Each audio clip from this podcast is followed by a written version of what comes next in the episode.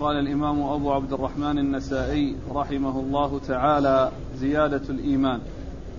قال أخبرنا محمد بن رافع قال حدثنا عبد الرزاق قال أخبرنا معمر عن زيد بن أسلم عن عطاء بن يسار عن أبي سعيد الخدري رضي الله عنه أنه قال قال رسول الله صلى الله عليه وآله وسلم ما مجادلة أحدكم في الحق يكون له في الدنيا بأشد مجادلة من المؤمنين لربهم في إخوانهم في إخوانهم الذين أدخلوا النار.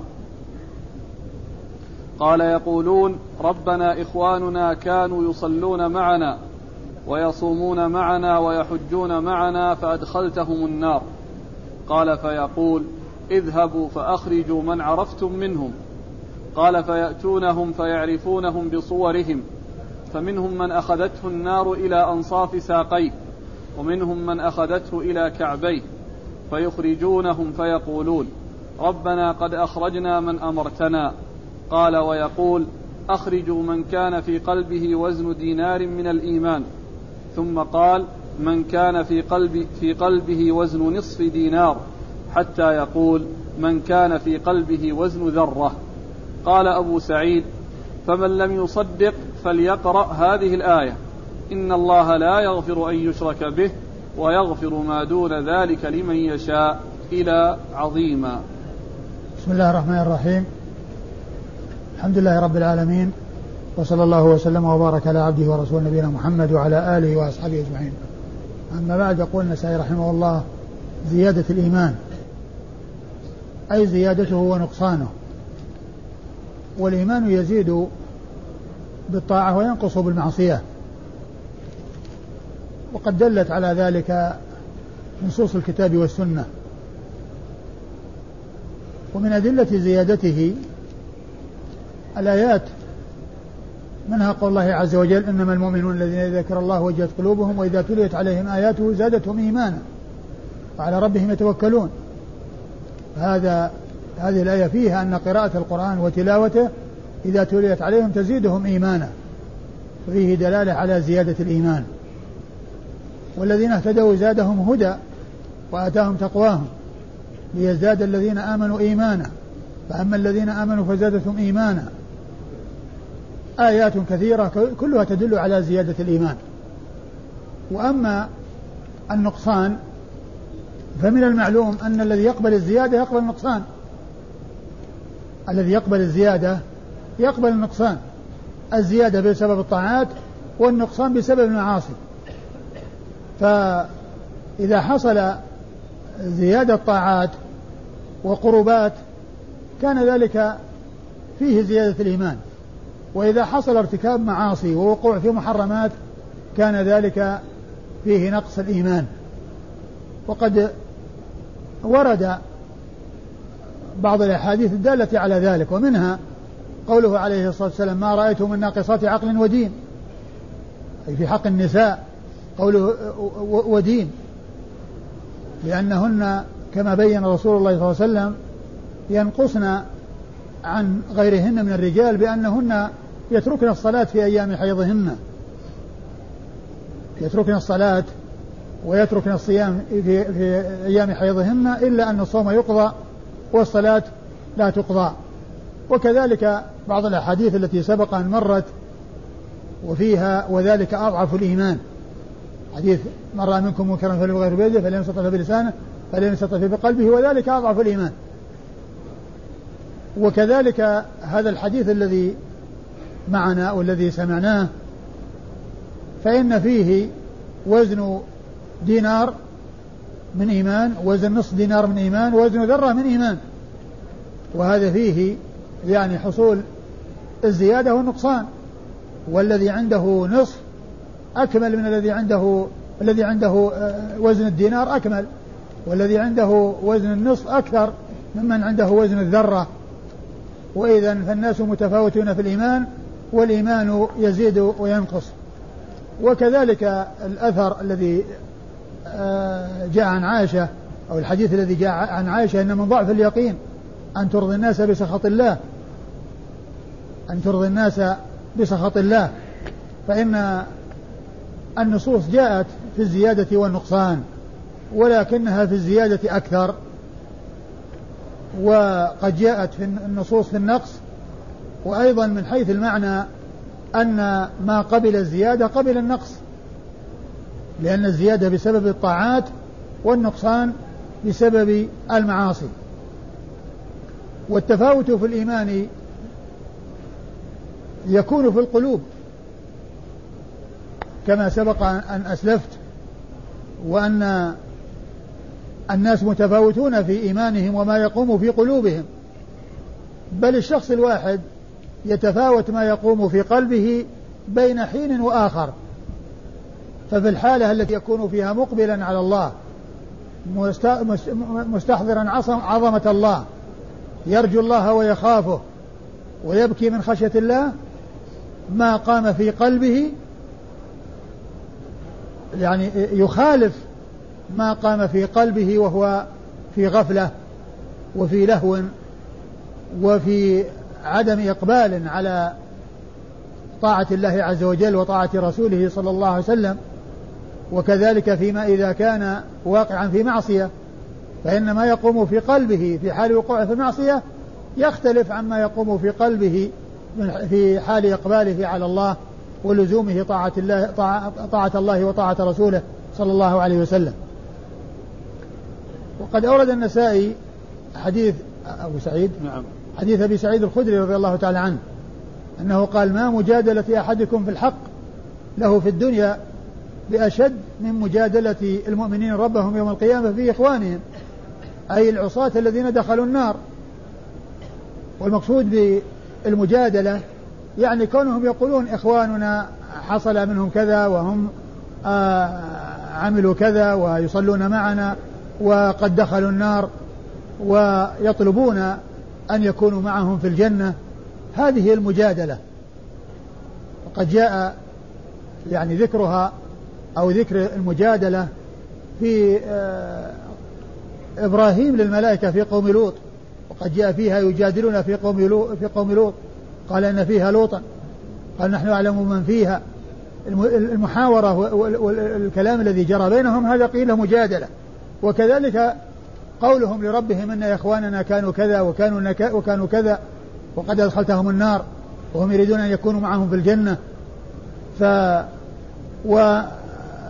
وذكر ما يجري لهم في الدنيا من مجادلتهم في الحق يكون لهم وأن الإنسان يطالب ويقول لمن يريد وصول حقه إليه منه حصل كذا وحصل كذا ولي كذا وأريد كذا. فيقول الله عز وجل إيش يقول؟ قال يقولون ربنا إخواننا كانوا يصلون معنا ويصومون معنا ويحجون معنا فأدخلتهم النار. قال فيقول اذهبوا فأخرجوا من عرفتم منهم. يقولون في مجادلتهم إخواننا كانوا يصلون معنا ويحجون معنا ويصومون معنا وقد أدخلتهم النار. و آه، لكونهم يفعلون مثل ما نفعل وقد أدخلتنا الجنة. فإذا نريد أن يكونوا معنا. ومن المعلوم أنهم الذين دخلوا الجنة دخلوا الجنة بفضل الله عز وجل وتجاوزه ومغفرته وتجاوزه عن الذنوب والمعاصي ومن شاء الله عز وجل أن يعذبه يدخل النار ولكنه لا يستمر فيها ما دام أنه دخلها وهو ليس بكافر بل دخلها وهو عاصي مؤمن عاصي فإنه لا بد وأن يخرج منها. بشفاعة الشافعين وبعفو أرحم الراحمين. والله عز وجل لما قال له أهل الجنة يعني هذا الكلام قال اذهبوا فأخرجوا من عرفتم منهم فيذهبون إليهم ويعرفونهم بصورهم. يعرفونهم بصورهم يعني بوجوههم التي كانوا يعرفونها في الدنيا. ومن المعلوم أن الناس يبعثون على ما كانوا عليه وتعرف هيئاتهم ويعرف بعضهم بعضا. أهل الجنة يعرف بعضهم بعضا وأهل الجنة يعرفون يعني من يعرفون من أهل النار فيعرفونه بصورهم الذي كانوا يعرفونها وقيل في معنى هذا أن النار لا تأخذ مواضع السجود ولا تأخذ وجوههم فتبقى هيئة وجوههم لا تصيبها النار أو لا يلحقها ضرر من نار وقد جاء في الحديث أن منهم من تأخذه النار إلى كعبيه ومنهم من, من يكون إلى أنصاف, أنصاف ساقيه. إذا يعرفون أصحابهم الذين يتحد يتكلمون بشأنهم مع الله عز وجل يعرفونهم بصورهم فيخرجونهم. وهذه شفاعة يعني شفاعة المؤمنين لإخوانهم. والله تعالى أذن لهم بأن يخرجوا من النار من يعرفونهم فيخرجون. ثم يقول الله عز وجل ويتفضل فيقول أخرجوا من كان في قلبه وزن دينار من إيمان. ثم بعد ذلك يقول أخرجوا من كان في قلبه نصف دينار من إيمان.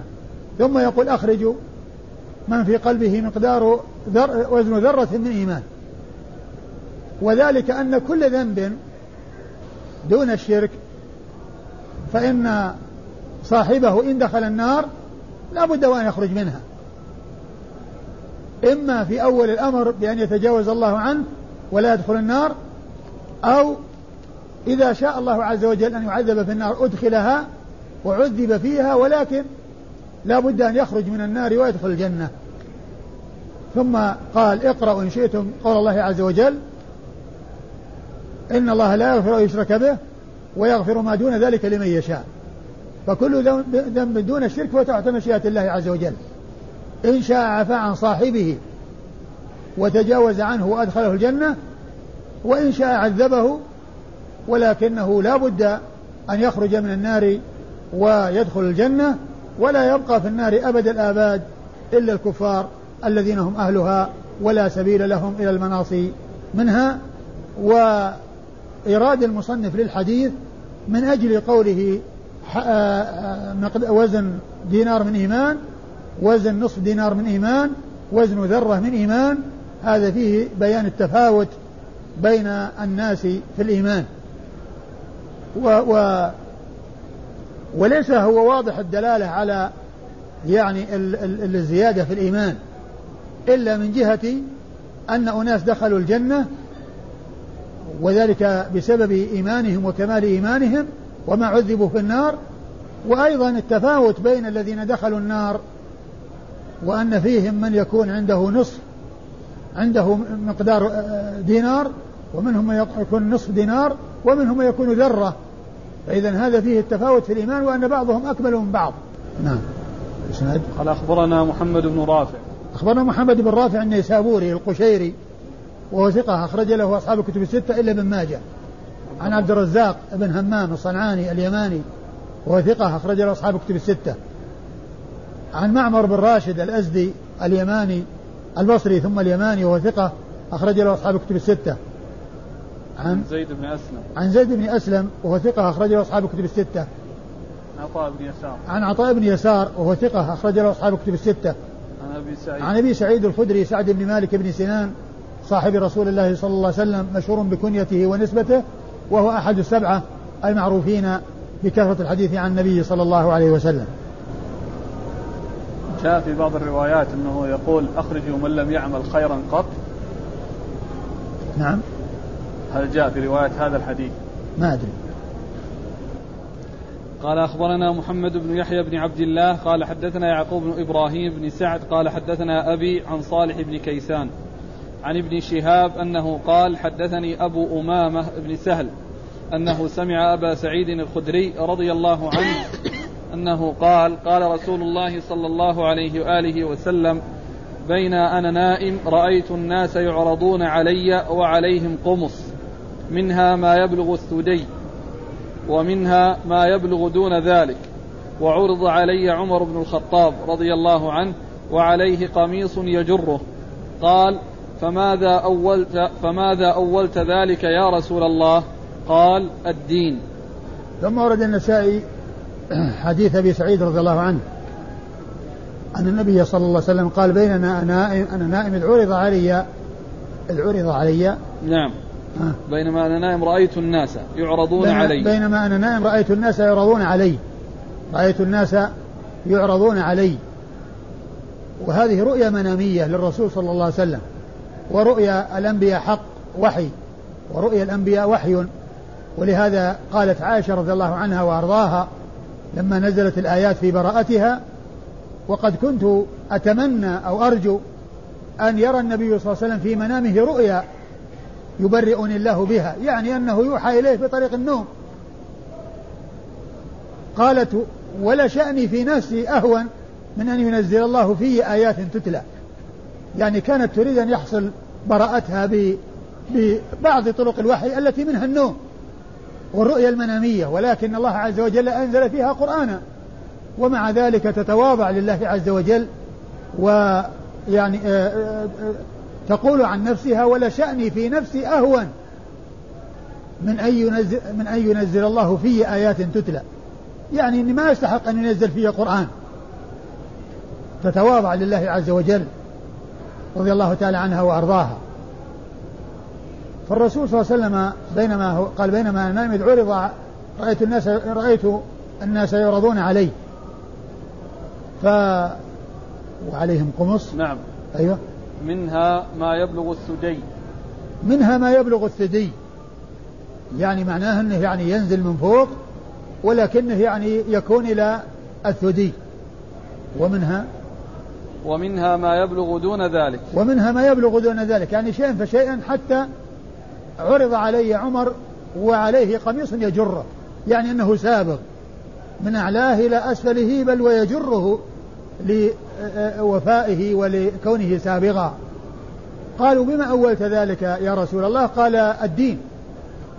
يعني معناه أن أن الناس مختلفون ومتفاوتون في الإيمان كتفاوت هذه القمص التي على الناس.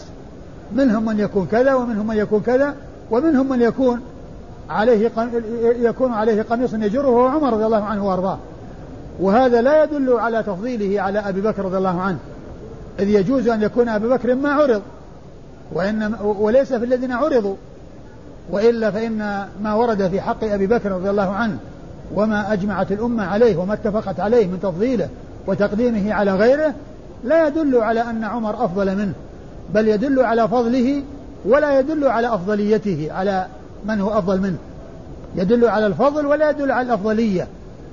لكنه يدل على فضله على من كان دونه في الإيمان والذين جاء وصفهم بأنهم إلى الثدي ومنهم من يكون دون ذلك. يعني أنزل من ذلك يعني شيئا فشيء وكل ما نزل كل ما كان أكمل. كل ما نزل كل كما كان أكمل حتى وصل إلى غاية أن عمر يجر قميصا. وهذا كما أسلفت من قبل يعني يدل على أن حال الرؤيا غير حال اليقظة. لأن حال اليقظة لا يجوز فيها جر القميص ولا يجوز نزول القميص عن الكعبين. بل جاء عن النبي صلى الله عليه وسلم ما أسفل من الكعبين فهو في النار. لكن هذه رؤيا يعني آه تعبيرها يعني أن من يكون أسبغ ومن يكون أكثر يعني في القمص يعني يكون أكمل إيمانا ولهذا عمر رضي الله عنه عليه قميص يجره. إذا يدل على زيادة الإيمان وأن بعض الناس أكمل من بعض لأن من قميص من عنده قميص يجره الذي رأى أن عليه قميص يجره عمر أكمل من الذي عنده قميص إلى الركبة. والذي عنده قميص إلى الركبة أكمل من الذي عنده قميص إلى يعني الحقو والذي يكون عنده قميص يعني إلى الحقو أكمل من الذي عنده قميص إلى الثديين وهكذا. إذا الحديث دال على ما ترجم له المصنف من تفاوت الناس في الإيمان وأن بعضهم أكمل من بعض وأن الإيمان يزيد وينقص. أيوة. وقد جاء أحاديث فيها رؤى منامية لعمر رضي الله تعالى عنه وأرضاه يعني تدل على فضله وعلى مناقبه. منها الرؤيا التي رآها النبي صلى الله عليه وسلم وأنه رأى قصرا في الجنة فقيل لمن هذا؟ قيل لعمر بن الخطاب. وكذلك الحديث الذي فيه قال رأيتني معي آه، لبن أشرب منه فشربت منه حتى رويت وحتى رأيت الري يخرج من بين أظفاري أو من أظفاري ثم بقي منها فضلة فأعطيته عمر فشربه قال بما أولت ذلك؟ قال العلم. ف وكذلك الرؤى التي فيها عمر وغيره كقضية القليب التي كان يمتح يعني من من بئر وفيها أنه كان معه دلو وأخذها أبو بكر ونزع ذنوب ذنوبين ثم أخذها ابن الخطاب فاستحالت غربا. فلما رأى عبقريا يفري فريه حتى ضرب الناس بعطن. وهكذا جاء عدة يعني أحاديث آه، فيها رؤيا منامية من رسول الله صلى الله عليه وسلم وتتعلق بعمر منها ما يختص به ومنها ما يكون له ولغيره. رضي الله تعالى عنه وعن الصحابة أجمعين. نعم. قال أخبرنا محمد بن يحيى بن عبد الله. محمد بن يحيى بن عبد الله هو الذهلي. وهو ثقة أخرج حديث البخاري وأصحاب السنة الأربعة. عن يعقوب بن إبراهيم بن سعد. عن يعقوب بن إبراهيم بن سعد وهو ثقة أخرج له أصحاب الكتب الستة. عن أبيه. عن أبيه إبراهيم بن سعد وهو ثقة أخرج له أصحاب الكتب الستة. عن صالح عن صالح بن كيسان وهو ثقة أخرج له أصحاب الكتب الستة. عن ابن شهاب. عن ابن شهاب محمد بن مسلم بن عبيد الله بن شهاب الزهري ثقة أخرج له أصحاب الكتب الستة. عن أبي أمامة بن سهل. عن أبي أمامة بن سهل بن حنيف وهو واسمه أسعد وهو وهو وله رؤية أخرج حديثه أصحاب الكتب الستة. عن أبي سعيد. عن أبي سعيد الخدري رضي الله عنه وقد مر ذكره. بالنسبة لتفسير الرؤى. نعم. يعني آه، يذكرون أن الرؤى أحيانا ترمز رموز يستدل بها المفسر. فهل هذا الحديث من هذا القبيل؟ الرؤى الرؤى تنقسم إلى قسمين. قسم تكون الرؤيا مطابقة لما رؤي تأويلها مطابق للرؤيا. وقسم يكون بضرب المثال. بضرب المثال. وهذا من ضرب المثال. لأن فيه قمص. وفسرت بالدين والإيمان. فسرت بالدين والإيمان يعني تفاوتها. تفاوتها. إذا هذا مثال. وفيه وفيها ما يكون مطابق للرؤيا. وقصة صاحبي السجن صاحبي يوسف السجن يعني كل كل واحد منهما أو قصة كل واحد منهما مثال لأحد النوعين. فأحدهما رأى أنه يعصر خمرا وفي اليقظة يعصر خمرا. وفي اليقظة تأويلها أنه يعصر خمرا. يعني الذي رأى في المنام مطابق للذي يجري في اليقظة وللذي يحصل في اليقظة. تأويلها مطابق. وأما الآخر ففي فهو ضرب مثال. يحمل فوق رأسه خبز تأكل الطير منه. يعني يقتل ويصلب ويعلق ثم تأتي الطير وتقع على يعني آه، أعلاه وتأخذ من ذلك المكان الذي جرح والذي آه، آه، خرج منه الدم. فهذا مثال. فإذا الرؤى تنقسم إلى قسمين. منها ما يتعلق تأويله يعني المطابقة ومنها ما يكون بضرب المثال وأكثرها ضرب أمثلة وأكثرها ضرب أمثلة.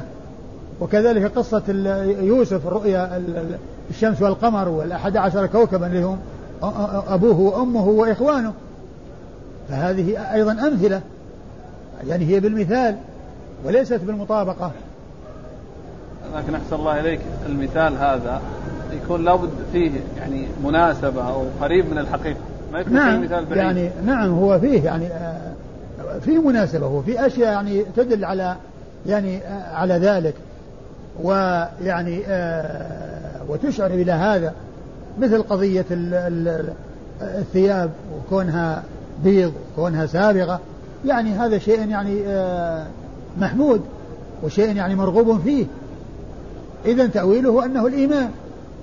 تأويله أنه الإيمان يعني فهو لا شك فيه فيه يعني شيء يعني في, في الرؤيا تدل أو تشير أو فيها إشارة إلى ال ال ال إلى التعبير الآن ينصب نفسه فيه بتأويل الرؤيا ينصب نفسه فقيه لتأويل الرؤيا؟ يعني فقيه ينصب نفسه لتأويل الرؤيا والله يعني الرؤيا كما هو معلوم يعني الإنسان الذي آه، يفكر فيها كثيرا ويتأمل ويقرأ ويعرف الأمثلة ويعرف النظائر وكذا. يعني قد يكون عنده علم في هذا وليس يعني كل يتمكن من هذا ولا كل يتفرغ لهذا ولا كل يشتغل بهذا يعني أو يشغل نفسه بهذا. فإذا كان الإنسان يعني عنده علم وأحد سأله فليجب على حسب يعني يعني ما يتمكن من إجابته. لكن أمر الرؤيا لا ليس كل يعرفه وليس كل يعبره. وابن القيم رحمه الله في كتابه إعلام موقعين عندما جاء في شرح حديث عمر بن الخطاب رضي الله عنه الذي فيه الذي هو في صفحة مقدار صفحة وشرحها ابن القيم في مجلد ونصف تقريبا من كتابه إعلام الموقعين توسع في شرحه ولما جاء عند يعني ذكر التشبيه وقس الأمور والشبيه بالشبيه. أتى بالآيات التي فيها التي فيها الأمثال في القرآن. وكان من نتائج ما استخلصه من الأمثال الكلام على الرؤيا وتعبير الرؤيا وأنها تكون عن طريق الأمثلة وعن طريق ال... وتحدث كثيرا عن الرؤيا وتعبيرها وما إلى ذلك وبمناسبة ذكر الأمثال القرآن. ذكر أمثال القرآن. قال أخبرنا أبو داود قال حدثنا جعفر بن عون قال حدثنا أبو عميس عن قيس بن مسلم عن طارق بن شهاب رضي الله عنه أنه قال جاء رجل من اليهود إلى عمر بن الخطاب رضي الله عنه فقال يا أمير المؤمنين آية في كتابكم تقرؤونها؟ لو علينا معشر اليهود نزلت لاتخذنا ذلك اليوم عيدا. قال أي آية؟ قال اليوم أكملت لكم دينكم وأتممت عليكم نعمتي ورضيت لكم الإسلام دينا. فقال عمر إني لأعلم المكان الذي نزلت فيه واليوم الذي نزلت فيه نزلت على رسول الله صلى الله عليه وآله وسلم في عرفات في يوم جمعة. ثم ورد النسائي حديث طارق بن شهاب عن عمر بن الخطاب رضي الله عنه أنه جاء يهودي إلى عمر بن الخطاب رضي الله عنه وقال إنكم تقرؤون آية في كتابكم لو علينا معشر اليهود نزلت لاتخذنا ذلك اليوم عيدا. يعني ذلك اليوم الذي نزلت فيه عيدا. فقال هي اليوم أكملت لكم دينكم وأتممت عليكم نعمتي ورضيت لكم الإسلام دينا. قال عمر رضي الله عنه إني لا أعلم اليوم الذي نزلت فيه والزمن الذي نزلت فيه نزلت على رسول الله صلى الله عليه وسلم بعرفة وفي يوم عرفة إيش قال؟ في آخره. يقول إني لا أعلم المكان الذي نزلت فيه واليوم الذي نزلت فيه. نعم إني لا أعلم المكان الذي نزلت فيه هو عرفة واليوم الذي نزلت فيه يوم عرفة. نعم نزلت على رسول الله صلى الله عليه وسلم في عرفات في يوم جمعة. نزلت على رسول الله صلى الله عليه وسلم في عرفات في يوم جمعة. يعني في يوم جمعة الذي هو يوم عرفة. وفي أرض عرفات. وهو واقف بأرض عرفات صلوات الله وسلامه وبركاته عليه. يعني أن هذا اليوم الذي قلت فيه ما قلت هو من أيامنا الفاضلة فيوم يوم الجمعة هو أفضل أيام الأسبوع وهو عيد المسلمين في الأسبوع. وهو أيضا واليوم الذي أيضا ومن السنة اليوم الذي نزلت فيه من السنة هو يوم عرفة. وهو من الأيام التي لها شأن ولها فضل في الإسلام ولها ميزة في الإسلام. وقد ورد في فضله وفي فضل صيامه. وكذلك يعني آه فيه آه أداء ركن هو أعظم أركان الحج. ولا يتم الحج إلا بالوقوف في ذلك اليوم. وهو يوم عظيم عند المسلمين. ومقدس عند المسلمين وقد اجتمع فيه يعني آه، آه، كونه يعني عيد الأسبوع وكونه من الأيام الفاضلة في الإسلام التي هي معظمة عند المسلمين ولها شأن عند المسلمين. وفي هذا الحديث قبول الحق ممن جاء به لأن ذلك اليهودي لما قال هذه الكلمة ما قال أبدا كلامكم صحيح وهذا كلام لا يقبل. بل أقره وأن هذا اليوم الذي حصل يعني أن المسلمين يعني هو في يوم من أيامهم الفاضلة ومن أيامهم المقدسة سواء كان ذلك بالنسبة للعام أو بالنسبة للأسبوع. فالأسبوع هو يوم الجمعة ويوم الجمعة هو يعني أفضل أيام الأسبوع ويعني وهو يوم اجتماع المسلمين كما أنهم يجتمعون في أيام الأعياد لأداء صلاة العيد فهم يجتمعون في يوم الجمعة لصلاة الجمعة. هو الاجتماع ال ال ال ال الأسبوعي كما أن العيد هو الاجتماع السنوي. وقد كان الناس مجتمعين في ذلك الصعيد الواحد الذي هو يوم صعيد عرفة وفي أرض عرفة والناس جاءوا من كل مكان واجتمعوا في ذلك المكان. إذا هو يوم فاضل. فإذا عمر رضي الله عنه وأرضاه يعني أقره على يعني بيان عظم شأن هذه الآية وبين بين له ولغيره أن هذه الآية نزلت في مكان آه الذي هو يوم عرفة وفي آه يوم الذي هو يوم عرفة في أرض عرفة وفي يوم عرفة. وأيضا آه حصل أن ذلك اليوم الذي هو يوم عرفة يوم جمعة. فاجتمع فيه شرف آه، الزمان الأسبوعي وشرف الزمان السنوي. وأورده المصنف من أجل قولها اليوم أكملت لكم دينكم من جهة أن أن ذكر الكمال يدل على زيادة الإيمان. ويقول المحشي أن هذا فيه خفاء لا يخفى. يعني أقول هذا الاستدلال فيه خفاء يعني ليس بواضح. ومن المعلوم أن الذين كانوا أسلموا أولا وقاموا بما يجب عليهم قبل أن يكمل الدين وقبل أن تنزل الشرائع الأخرى قد قاموا بما يجب عليهم. فلا يقال أنهم أنقص وأقل أجرا من الذين جاءوا بعدهم. فالذين أسلموا أولا وجاهدوا مع رسول الله في أول الأمر لا يقال أن من كان بعد ذلك وكان موجودا عند عند نزول هذه الآية وعند تمام الدين وإكمال الدين وتمام نزول الوحي يكون أفضل من ذلك الذي آه الذي أسلم وجاهد في سبيل الله ومات قبل أن يكمل نزول الوحي. لأن كل أدى ما عليه وكل قام بما يجب عليه في زمانه. وكل قام بما يجب عليه في زمانه. فلا يقال إن كل من كان متأخرا أفضل ممن كان متقدما. والله أثنى على السابقين الأولين المهاجرين والأنصار. إذا قضية الزيادة والنقصان غير واضحة في قضية إكمال الدين وتمام الدين. لأن مفهوم مفهومها أن الذي جاء عند إكمال الدين أنه أكمل وهذا غير غير غير مستقيم وغير واضح. نعم. قال أخبرنا أبو داود. أخبرنا أبو داود هو سليمان بن سيف الحراني. وهو ثقة أخرج له النسائي وحده. عن جعفر بن عون. عن جعفر بن عون وهو صدوق أخرج له أصحاب كتب الستة. عن أبي عميس. عن أبي عميس وهو عتبة بن عبد الله المسعودي وهو ثقة أخرج له أصحاب الكتب. نعم. وهو ثقة أخرج له أصحاب الكتب الستة.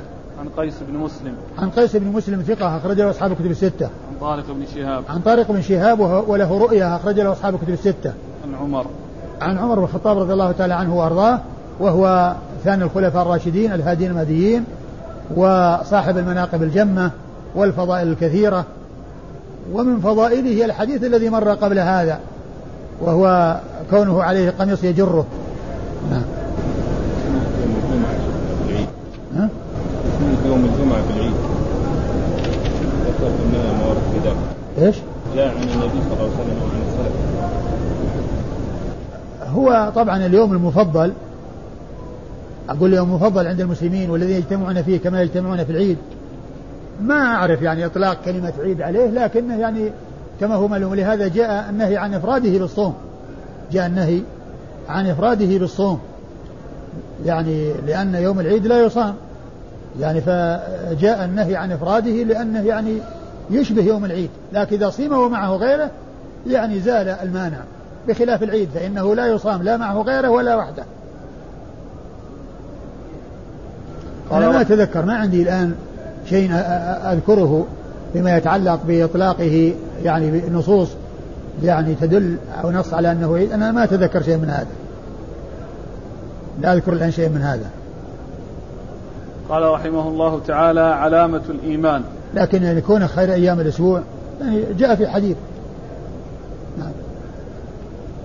قال أخبرنا حميد بن مسعدة قال حدثنا بشر يعني بن المفضل قال حدثنا شعبة عن قتادة أنه سمع أنسا رضي الله عنه يقول قال رسول الله صلى الله عليه وآله وسلم لا يؤمن أحدكم حتى أكون أحب إليه من ولده ووالده والناس أجمعين.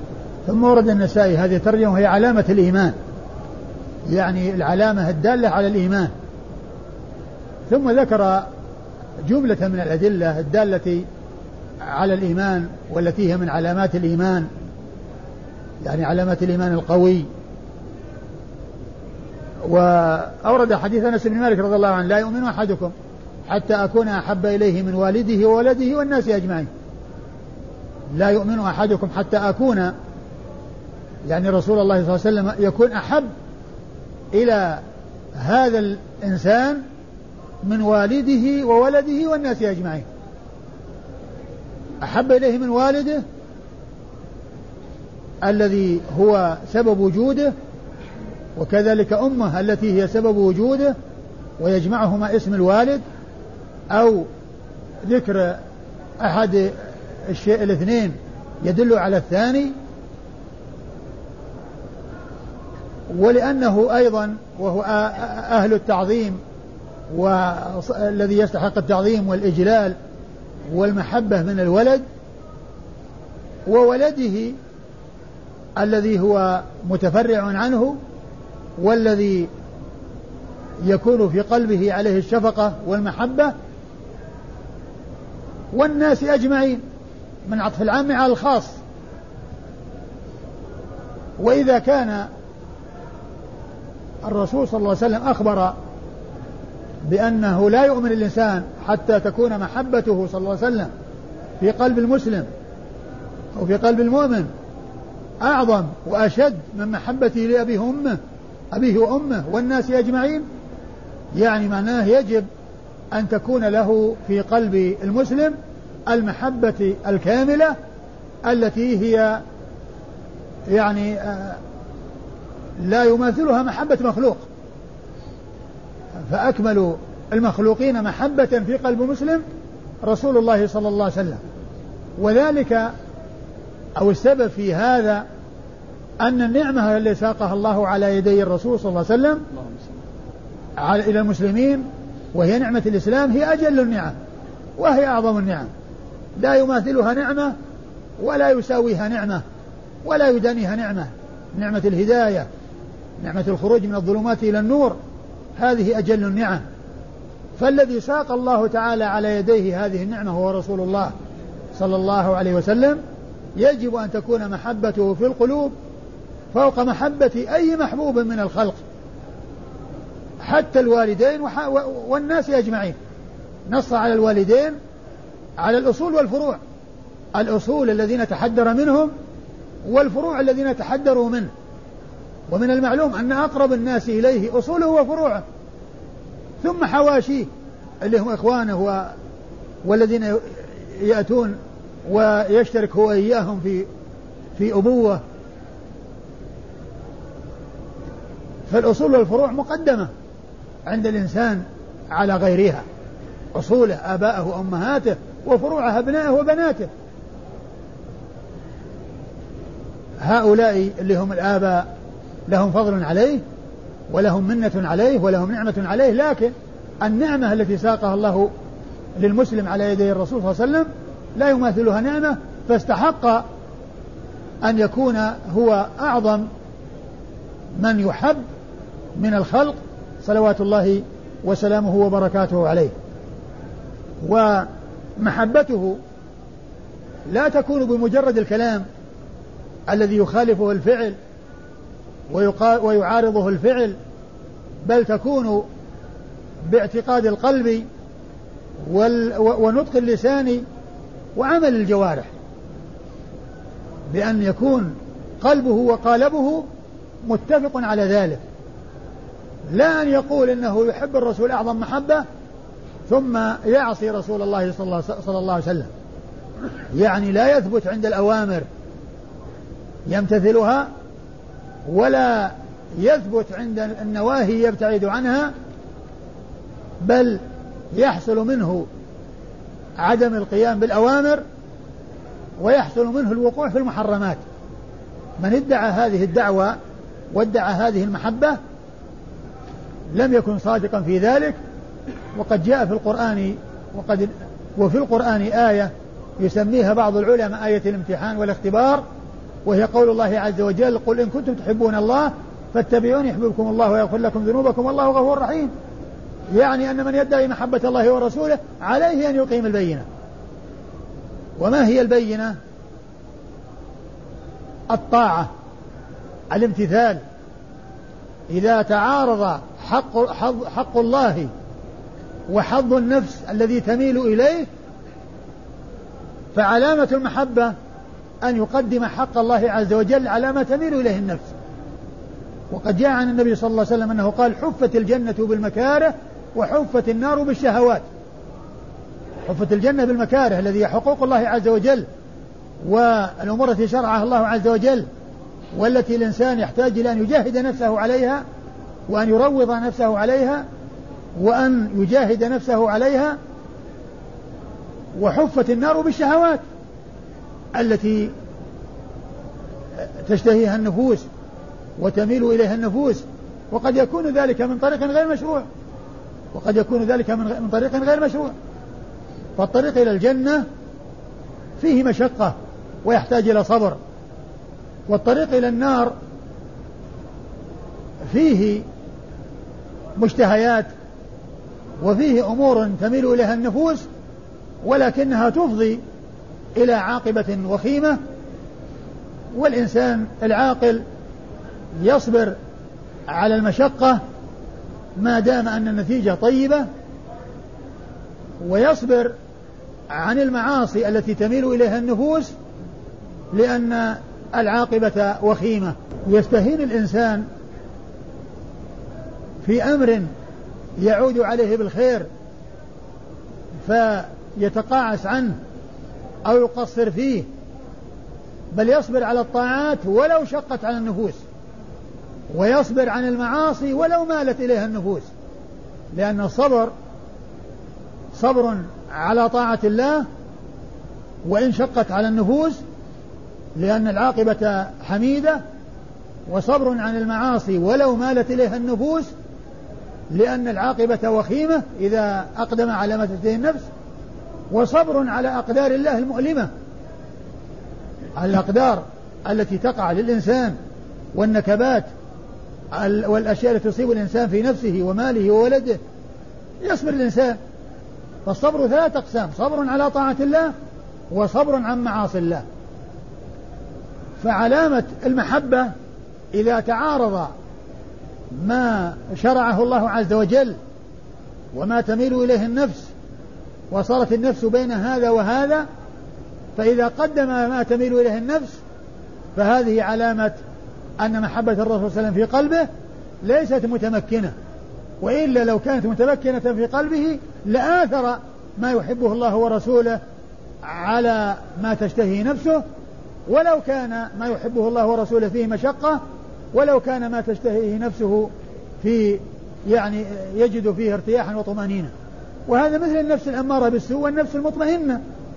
فإذا كان الإنسان يعني آه يعني حصل التعارض بين المطمئنة وال وال وال والأمارة بالسوء هذه تريد آه، آه، آه، الاطمئنان على الطاعات والصبر على الطاعات والأخذ بالطاعات وترك المعاصي وتلك تريد أن الإنسان يروض نفسه ويمتع نفسه ويتمنى الأماني فإذا قدم ما تميل إليه النفس معناه أنه قدم ما يريده على ما شرعه الله عز وجل وعلى ما يحبه الله ورسوله صلوات الله وسلامه وبركاته عليه الذي هو في الطاعات.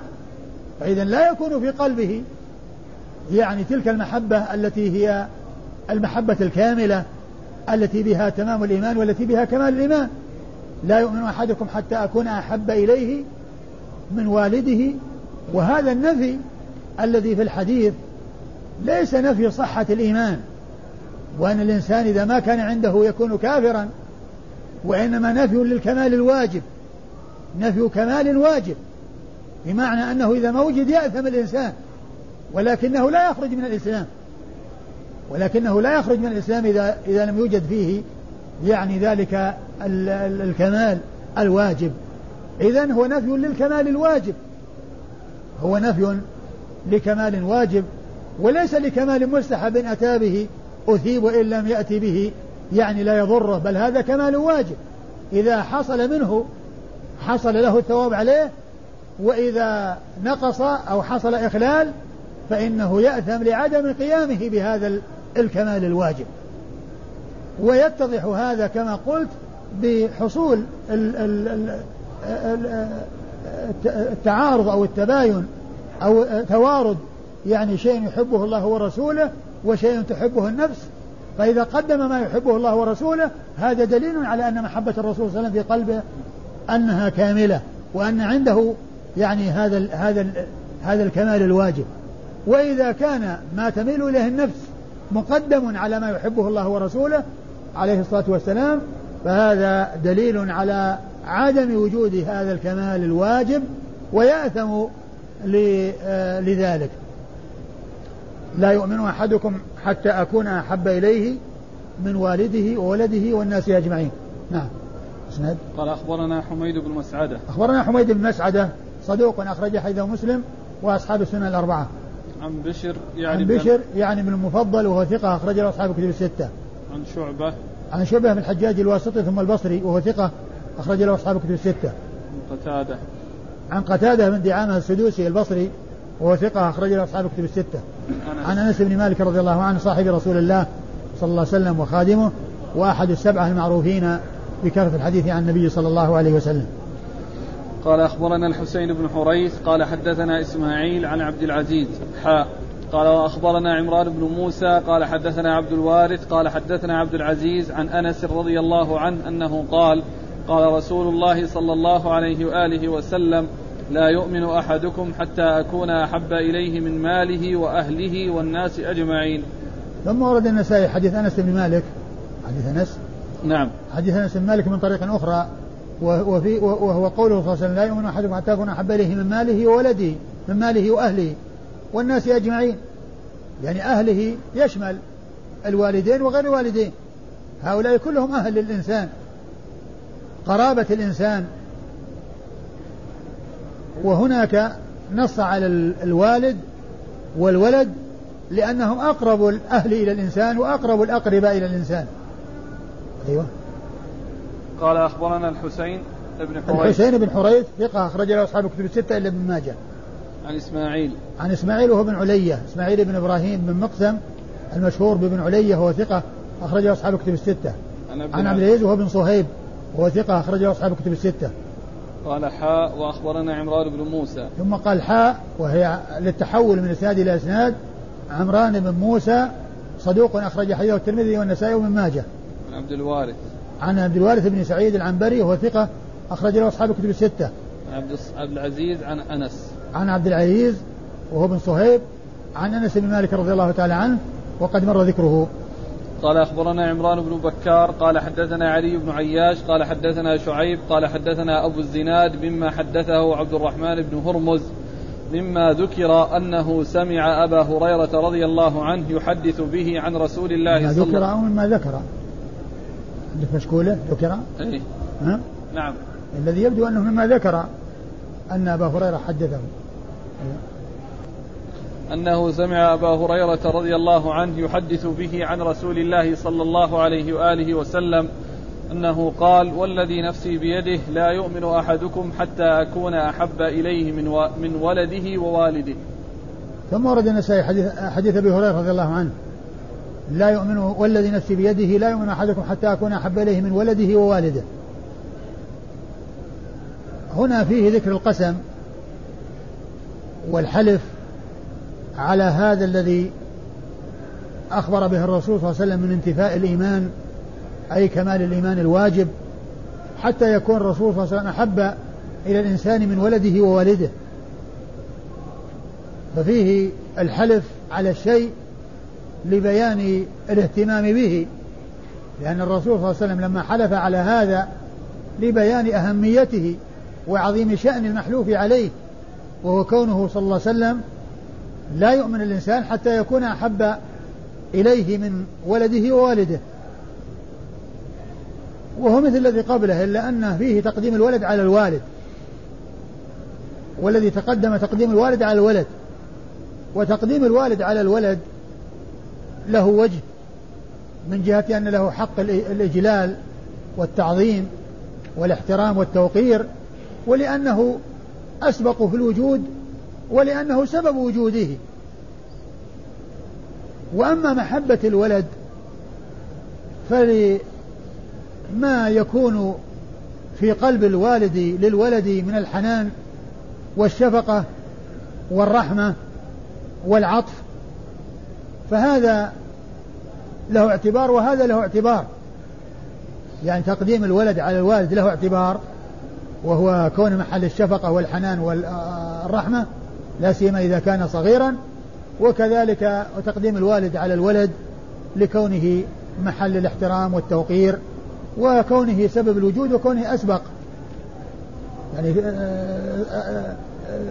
يعني سبق الزمان. نعم. قال أخبرنا عمران بن بكار. عمران بن بكار ثقة أخرج حديثه النسائي وحده. عن علي بن عياش. عن علي بن عياش وهو ثقة أخرجه أصحاب كتب الستة. البخاري وأصحاب السنة. البخاري؟ أخرج حديث البخاري وأصحاب السنة الأربعة. عن شعيب. عن شعيب بن أبي حمزة الحمصي وهو ثقة أخرج له أصحاب الكتب الستة. عن أبي الزناد. عن أبي الزناد عبد الله بن عبد, عبد الرحمن عن أبي الزناد عبد الله بن ذكوان وهو ثقة أخرجه أصحاب الكتب الستة. عن عبد الرحمن بن هرمز. عن عبد الرحمن بن هرمز وهو ثقة أخرجه أصحاب الكتب الستة. عن أبي هريرة وهو عبد الرحمن بن صخر الدوسي صاحب رسول الله صلى الله عليه وسلم وأكثر الصحابة حديثا على الإطلاق. تقديم الوالد على الولد في غير رواية النسائي.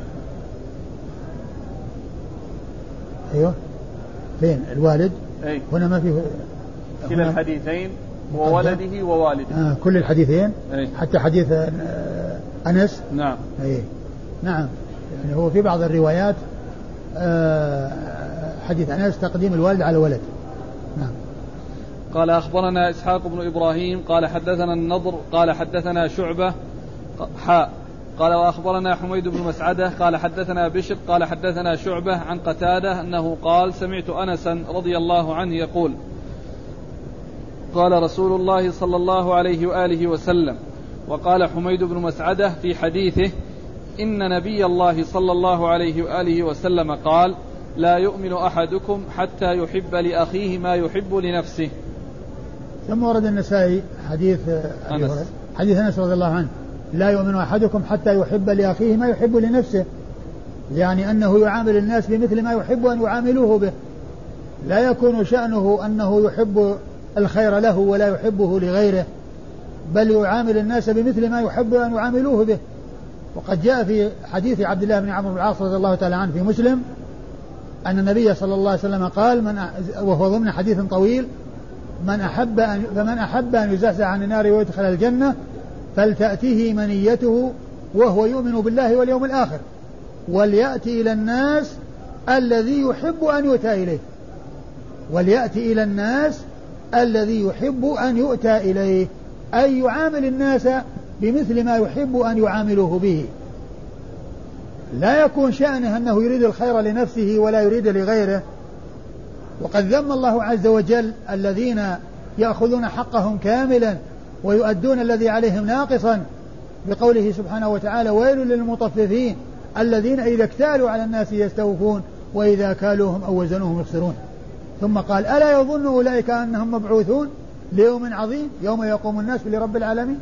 ما يفكرون في المعاد ولا يفكرون بما أمامهم من الأهوال والأفزاع لا يؤمن أحدكم حتى يحب لأخيه ما يحب لنفسه نعم الإسناد قال أخبرنا إسحاق بن إبراهيم إسحاق بن إبراهيم بن مخلد بن راهوية الحنظلي آه، آه، ثقة أخرج له أصحاب كتب الستة إلا من ماجه. عن النضر. عن النضر هو بن شميل وهو ثقة أخرج له أصحاب كتب الستة. عن شعبة قال حاء. عن شعبة وقد مر ذكره ثم أتى بحاء التحويل. قال أخبرنا حميد بن مسعدة عن بشر عن شعبة عن قتادة عن أنس. وقد مر هؤلاء جميعا وقد ذكر النسائي الفرق بين تعبير آه، حميد بن مسعدة وتعبير آه، إسحاق بن إبراهيم فيما يتعلق بإسناد الحديث إلى رسول الله صلى الله عليه وسلم فإن إسحاق بن إبراهيم قال قال رسول الله نعم. قال قال رسول الله صلى الله عليه وسلم تعبير أنس بن مالك في إسناد إسحاق بن إبراهيم قال رسول الله صلى الله عليه وسلم كذا. وأما في إسناد حميد بن مسعدة شيخ النسائي الثاني فقوله إن نبي الله صلى الله عليه وسلم قال كذا. يعني معناه تفريق في العبارة. هذا قال رسول وهذا قال نبي. وهذا قال قال رسول الله وهذا قال إن نبي الله. يعني أن هذا في محافظة على اللفظ وعلى الصيغة التي قالها كل واحد منهما. نعم. قال أخبرنا موسى بن عبد الرحمن قال حدثنا أبو أسامة عن حسين وهو المعلم عن قتادة عن أنس أن رسول الله صلى الله عليه وآله وسلم قال والذي نفس محمد بيده لا يؤمن أحدكم حتى يحب لأخيه ما يحب لنفسه من الخير. ثم ورد النسائي حديث أنس بن مالك رضي الله عنه لا يؤمن أحدكم حتى يحب لأخيه والذي نفسي بيده لا يؤمن أحدكم حتى يحب لأخيه ما يحب لنفسه من الخير. وقد آه الأول في قسم. الأول ما في قسم. لا. نعم ذاك ما في قسم وهذا في قسم وهو مثل ما تقدم. يعني القسم على الشيء دلال على أهمية المقسم عليه والاهتمام به. وهنا قال ما يحب لنفسه من الخير. الإنسان يحب الخير لنفسه ولغيره. ما يحب الخير لنفسه دون غيره. نعم. قال أخبرنا موسى بن عبد الرحمن. موسى بن عبد الرحمن المسروقي وهو صدوق. ثقة. وهو ثقة أخرج حديث الترمذي والنسائي وابن ماجه. عن أبي أسامة. عن أبي أسامة حماد بن أسامة. وهو ثقة أخرج أصحاب الكتب الستة. عن حسين وهو المعلم. حسين هو بن ذكوان المعلم. وهو ثقة ربما وهم أخرج له أصحاب الكتب الستة. عن قتادة عن أنس. عن قتادة عن أنس وقد مر ذكرهما. والله تعالى أعلم وصلى الله وسلم وبارك على عبده ورسوله نبينا محمد وعلى آله وأصحابه أجمعين.